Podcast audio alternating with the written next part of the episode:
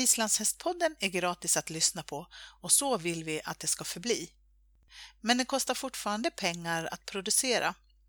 Vill du lämna ett bidrag till vårt arbete så swisha valfri summa till 123 620 4077. Kontakta oss gärna om du vill ingå ett samarbete. Tack på förhand!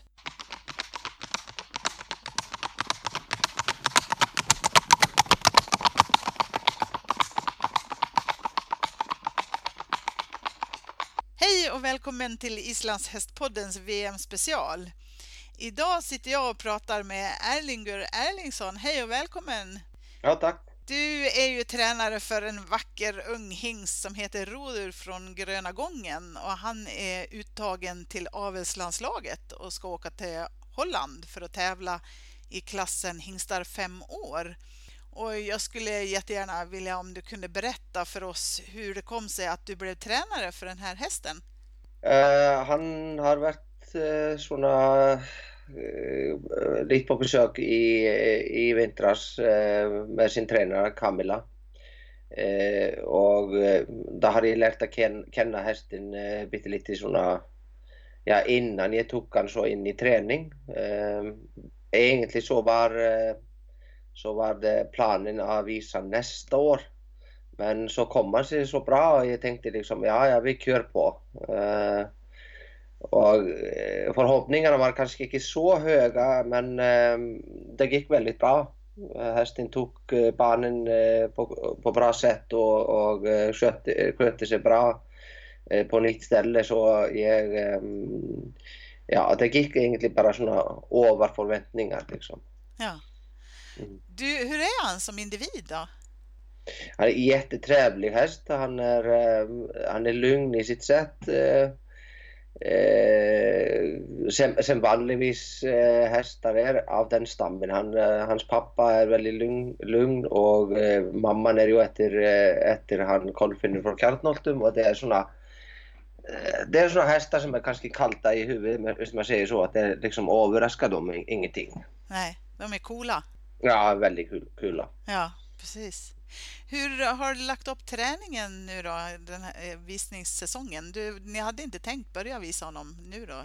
Nej, eh, det var ju liksom, eh, när jag fick han så, så handlade det ju kanske mest om att få lite mer energi fram. Gångarterna låg ju kanske klara för hästen men det är sådana det är individuellt vad mycket liksom, framåtspel man vill ha i häst och jag vill ha mer framåtspel än kanske hans förre tränare så det var, det var mest för mig att rida ut och, och göra kanske ingenting stort fancy heller, bara rida i skogen liksom. Mm. Har du ändrat någonting inför VM nu? Mm, nej, uh, inte mycket. Jag har ridit lite mera på banan och, och uh, mera kanske tempoväxlingar bara såna till att göra hästen lite starkare i bakparten. Mm. Berätta om visningen som ledde fram till att ni nu är uttagna till VM. Ja, den gick såna uh, ja, hästen visste sig väldigt bra fram. Han, han kanske fullfört inte töltvisningen på den måten som kanske jag hoppade efter. Han har jättestora rörelser och, och det var tungt för honom att fullföra sådana långa, långa sträckor med, med, med så mycket rörelser. Mm. Eh, men jag tycker nog att, att, eh, han har blivit starkare så han, han har lättare med att fullföra vad jag, jag önskar av honom. Mm. Och han fick en fin visning. Är han, var, är han fyrgångare va? Han är fyrgångare, ja. Han är, man kan säga att han är såna fyra, fyra och en halv gångare men, men han har så pass stora rörelser att han, han kommer inte till att orka gå med så mycket benluft och stora rörelser i pass. Nej, precis. Men vad fick han för poäng där på visningen? Han fick eh, 8.39 för eh, exteriör och så 8.27 för, eh, för eh, ridningskapper. 9 för tölt och 9.5 för trav. Ah. 8, 8 för galopp fick han och det, det är på grund av att han, eh, han har så pass stora rörelser att, eh, och hästen är jättestor och, och, eh, och han, han hänger inte samman ordentligt liksom, till, till att få högre få galopp. Men jag, jag såna hoppas kanske jag kunde höja den 0,5 liksom och få 8,5 på VM. Mm, precis.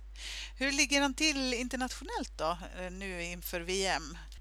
Eh, han ligger ju kanske bra. Eh, jag vet att den hästen som kommer från Island det är eh, väldigt eh, jättehög. Man har jättehög bedömning, 8 och 80 nog för ridingenskaper. Mm. Så, och det är ju fem gånger. Det är ju alltid svårt med, med fyrgångare liksom mot, mot femgångarna men, mm. men detta här är ju nyvisning så alla står på samma, samma liksom samma planen inför VM. Det, det, är inte, det är ingen det är ingen som kan, man kan säga liksom att den blir högast. Det kan allt hända. Ja. Jag, jag, har ibland gått med hästar in på VM som har varit eh, placerad nummer 6 eller 7 på listan. Mm. Men det, det, har eh, varit nummer 1 oavsett. Mm. Det handlar väldigt mycket om att kanske rida lagom mycket och ha inte hästarna trötta när man kommer in på VM. Nej, precis. Jag tänker på en så pass ung häst måste det vara bra att ha en med så, som är så cool i huvudet också, tänker jag. För det ja. är ju stort och, och, mycket som händer. Ja, det, det, det, det är väldigt bra. Nu faktiskt passar jag på liksom att hästen får röra sig lite uh, utan ryttare en dag. Eh, vi passar på att rida inte för mycket så att hästen är liksom inte öm, öm i kroppen eller någonting för det är ju också väldigt långt att åka. Mm, precis. Vad händer efter VM då för Roder? Kommer ni att fortsätta att träna eller hur ser det ut? Nej, nej, nej. Han, han har ju samma med träningen här tagit emot, eh, ja, visst jag kommer ihåg riktigt, 13 till 15 ston. Okay. Och, han kommer kommer till att få sätta betäcka hemma på Gröna gången efter att, efter han kommer hem. Mm. Och vi kan säga att det är Susanne Sjöström som har, är uppfödare för honom och ägare. Ja, ja, ja hon och hennes, hennes dotter Camilla äger hästen i lag. Ja, just det. Så är det. Mm.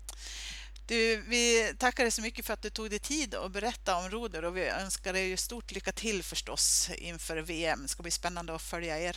Ja, tack, tack.